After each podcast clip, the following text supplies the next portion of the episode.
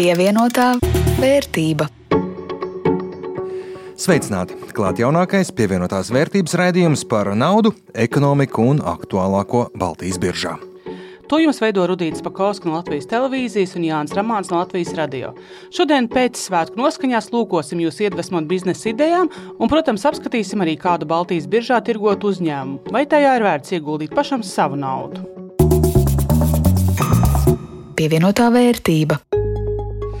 Bet kas tad šobrīd notiek interesants Latvijā? Nu, es teiktu, ka interesantākais ir uh, straujais darbinieku saslimšanas bumps. Novembrī daudzkārt pieaudzis slimības lapu skaits.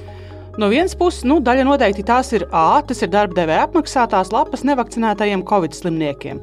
Daļa iespējams tiešām pārdega, izdega vai iedzīvojās citās kaitēs, kādēļ nevar veikt darbu. Nu, galu galā mentālā veselība ir tikpat svarīga kā fiziskā.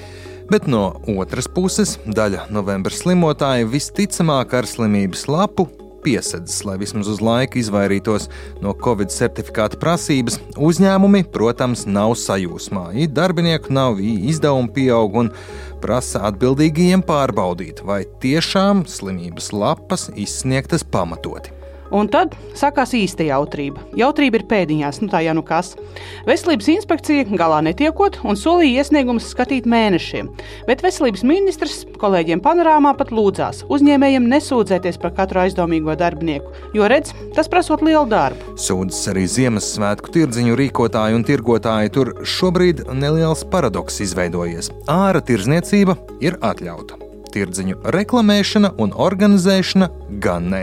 Tātad tirgoties vari, bet izziņot, ka novada amatnieki tajā un tajā dienā būs tur un tur, to nedrīkst. Te nu es ceru, ka, nu, ja vien mēs paši būsim uzmanīgi un Covid cipari atkal neuzkāps debesīs, kādu risinājumu atradīs, jo daudziem amatniekiem un ražotājiem jāpaļaujas uz Ziemassvētku laiku, lai izdzīvotu visu pārējo gadu un šonadēļ jāsaspicē ausis, visticamāk, saima pieņems nākamā gada budžetu un visus tos pavadošās izmaiņas gan lielāku neapliekamo minimumu pensionāriem, gan mazākas slimības dienu, kas jāapmaksā darba devējiem, gan mazāku PVN grāmatām un vēl citas izmaiņas. Un nevar nepieminēt, ka Latvijas lielākā vietējā kapitāla uzņēmuma, tas pēc Lūsafta aplēsēm Latvijas energo, jauns valdes priekšsēdētājs. Energo nozares uzņēmumu vadīs Mārtiņš Čakste, kas iepriekš jau vairākus gadus bija Pūra čokolāta valdes priekšsēdētājs. Vēl valdē pievienosies Dmitrijs Juskovits, kas iepriekš vadījis uzņēmumus farmācijas nozarē, un Harijs Tēters, kurš iepriekš bijis rūpniecisko gāzu uzņēmuma Lindegas vadības komandā. Pievienotā vērtība. Visās veiksmīgās valstīs privātais bizness dominē pār valsts lomu. Jo vairāk ir biznesa, jo labāk dzīvo cilvēku valstī. Tāda īsa, kodolīga ir doma, kura ir kā vadmotīvs jauno uzņēmēju atbalsta programmai Iedvesma, ko īsteno SEB banka kopā ar Pierīgas pašvaldībām mirkli pirms svētkiem šajā programmā par 80 tūkstošiem eiro tika atbalstītas desmit jaunas biznesa idejas, sākot no keramikas darbiem ar dabas materiāliem līdz ķemeru dūņu, ķermeņa kopšanas krēmu ražošanai, riekstu sviestiem, dabīgu materiālu un apģērbu ražotājiem un beidzot ar 3D virtuālām tūrēm un elektronisko dzērienu automātu izveidi. Šogad izvēlēties labākās idejas, kuras tad tiek pie naudas, bijis grūtāk nekā citus gadus atzīst grantu konkursu žūrijas pārstāvs no Finanšu institūcijas Altuma Jānis Svemps pie tik daudz un labām idejām un konkurences iznākumu izšķīrušas detaļas vai nelielas kļūdas. Novērojām, ka šogad konkursā bija daudz interesantu biznesa ideju. Liofilizētā pārtika, dzīvnieku cilmu šūnu izmeklējumi, trīsdimensionālās telpu fotografijas, dažādu augsto tehnoloģiju ražošanas un pakalpojumu sniegšanas risinājumi bija bagātīgi pārstāvēti šogad. Ja šo jaunu uzņēmumu jaunradas spējas būtu kā indikatīvs rādītājs visai mūsu valsts kopējai uzņēmēji inovēt spējai, tad būtu jāsacina, ka mūsu valstī ir gaiša nākotne. Protams, bija arī kļūdiņas. Žūrijas komisijas vārdā lūgums pievērst uzmanību naudas plūsmas aprēķiniem, lai tajos būtu iekļauts visas izmaksas, it īpaši algas, jo uzņēmējs nedrīkst vēl nemaksāt algu. Tāpat lūgums daļai konkursantu pievērst uzmanību tehniskajām prasībām. Ja reizi sacensība, tad visiem normatīviem, lai kvalificētos uzvarai, ir jābūt izpildītiem. Pie tik lielas konkurences arī sīkumiem ir nozīme. Latvijas iedzīvotājiem ir daudz ideju un arī vēlme tās īstenot. Katrs otrais pēc aptaujas datiem ir domājis par sava biznesa uzsākšanu, un parasti tieši nauda ir bijis tas būtiskākais šķērslis, kādēļ idejai nav sekojusi darbība, tā saka Seibankas valdes loceklis Arnis Škapars, un lai gan parasti piedaloties biznesa ideju konkursos, galvenais mērķis, protams, ir tikt pie naudas, bet pat neuzvarot, topošais uzņēmējs parasti ir ieguvējs. Es domāju, ka nav sliktu un labu pieteikumu pirmkārt. Šeit nevienam neliek balvas no 1 līdz 10. Jā, ir zelta medaļa, un zelta medaļai ir vērtība, tur tie tūkstoši eiro, lai realizētu kaut ko. Bet rēķināties, ka tas ir kaut kā līdzīgi kā Tour de France braukšana. Pirmās divas reizes vai vienu reizi ir vispār jānobrauc tā, tas pasākums. Tur nav runa par medaļām, ir tas, lai tu tiktu līdz galam.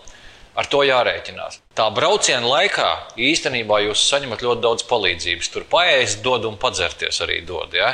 Un, un tas izpaužas šai veidā, ka ir žūrija, kur ir ļoti daudz kompetentu cilvēku, kuri var palīdzēt ar labiem jautājumiem, padomu tā tālāk. Pašvaldību cilvēki, kuri praktiskas lietas jums var, var pateikt priekšā, kā šīs lietas darīt. Un uh, trešā lieta ir, uh, jūs noteikti noformulēsiet priekš sevis, kas ir tas, ko jūs darat, kāpēc darat, un jūs to spēsiet izstāstīt citiem pēc šīs grantu programmas. Man liekas, ka tie ir tie galvenie iegūmi. Vērtējot šogad iesniegtās idejas, Latvijas cilvēku uzņēmīgums aug. Arī ideju plašums un ejam līdzi arī pasaules tendencēm. Katra ceturtā iesniegtā ideja saistīta ar šobrīd moderno ilgspēju, zaļo dzīvesveidu, resursu taupīšanu, tā atklāja Seibankas Rīgas reģiona vadītāja Kristīna Kosinska Igolniece.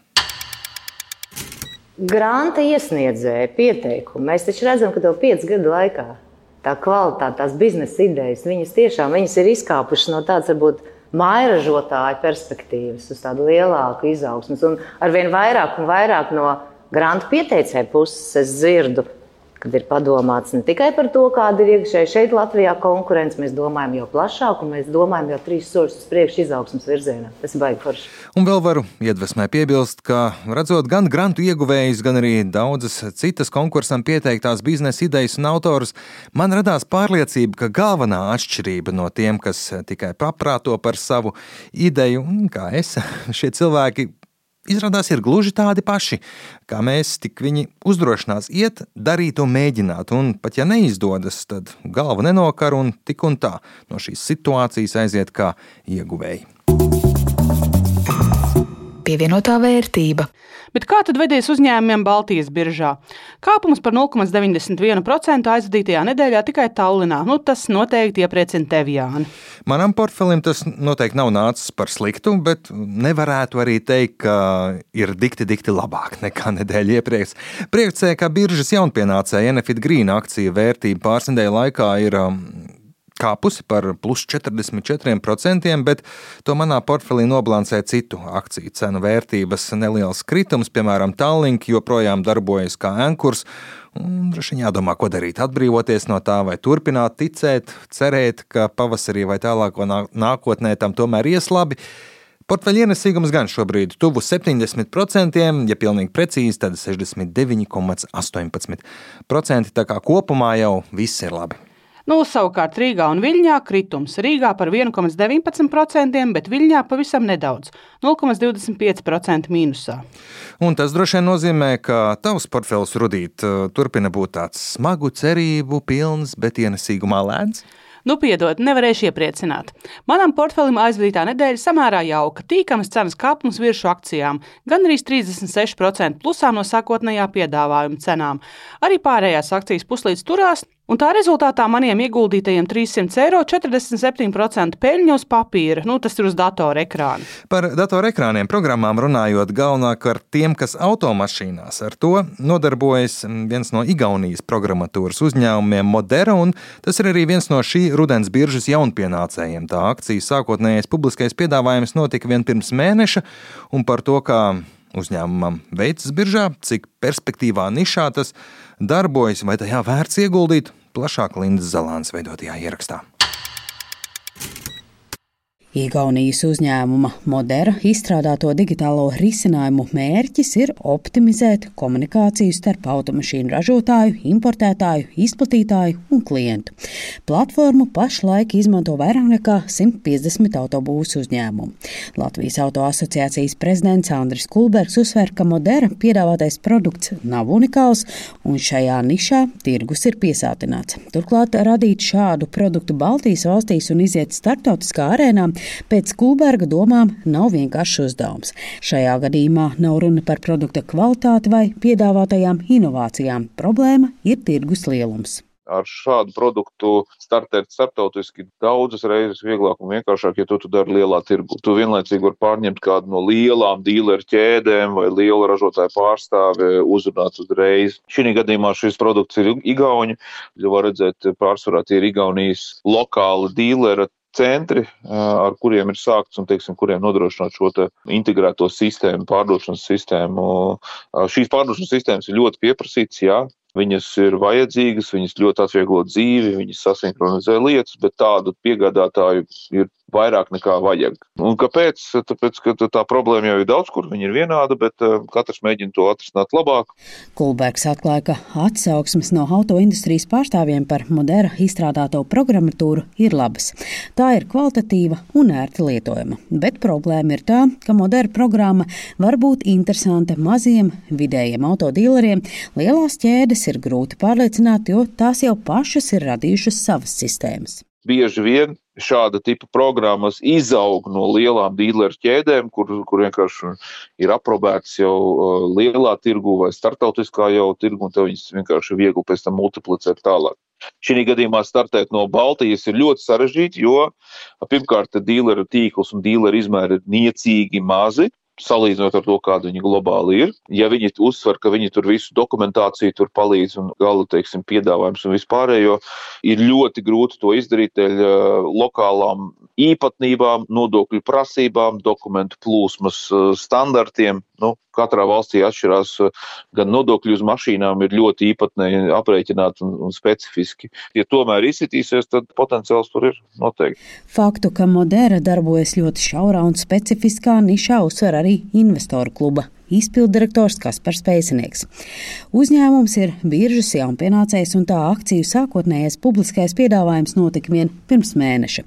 IPO cena bija 6,6 eiro par vienu akciju, bet jau pirmajā dienā akcijas cena piedzīvoja kritumu. Un, ja paskatāmies pēc šī brīža cenas, tad eh, tā ir zemāka par 10% nekā uh, eh, IPO cena. Nu, var secināt, ka nav pārāk labs eh, starta akciju biržā. Ja skatāmies uz finanšu datiem, tad uzņēmums iepriekšējos gados ir strādājis ar 658 tūkstoši eiro apgrozījumu, pērn ar 662 tūkstoši 19. gadā, un attiecīgajos gados izdevās arī mazliet nopelnīt. Bet, kā uzņēmums minēja savā IPO procesa prezentācijās un ziņojumos, tad ir plāns audzēt apgrozījumu, bet uh, šī apgrozījuma audzēšana saistās arī to, ka būs lielākas izmaksas, attiecīgi ir paredzēti zaudējumi vairākus gadus, un tikai 24. gadā izdosies sasniegt apgrozījumu mērķi, tad izdosies sasniegt peļņu 1,8 miljonu eiro apmērā. Kaspars Pēcinieks uzsver, ka pagaidām valuācijas rādītāji ir samērā pievilcīgi, jo tiek skatīts, kāds ir uzņēmuma potenciāls nākotnē. Tomēr pastāv liels risks, ka uzņēmums savas ambīcijas var arī nerealizēt. Ne tikai nesasniegt apgrozījuma prognozes, bet arī nesasniegt peļņas prognozes. Un eh, kopumā es šo uzņēmumu šobrīd neizvēlos eh, savām investīcijām, eh, jo visa vērtība balstās diezgan tālas nākotnes prognozēs. Tomēr, ja uzņēmumam izdosies soli pa solim pildīt izvirzītos mērķus, tad pēc pēcinieku domām būs vēl pietiekami daudz iespēju iegādāties moderā akcijas. Linda Zalāne, Latvijas radio. Pievienotā vērtība. Ar to arī izskan šīs nedēļas raidījums pievienotā vērtība. Un atgādinu, šo un arī iepriekšējos raidījumus var meklēt Latvijas radio arhīvā, kā arī raidierakstu vietnēs. Uz tikšanos! To veidoja Rudīts Pukovskis no Latvijas televīzijas un Jānis Ramāns no Latvijas radio. Par labskanību parūpējās Kaspars Groskops.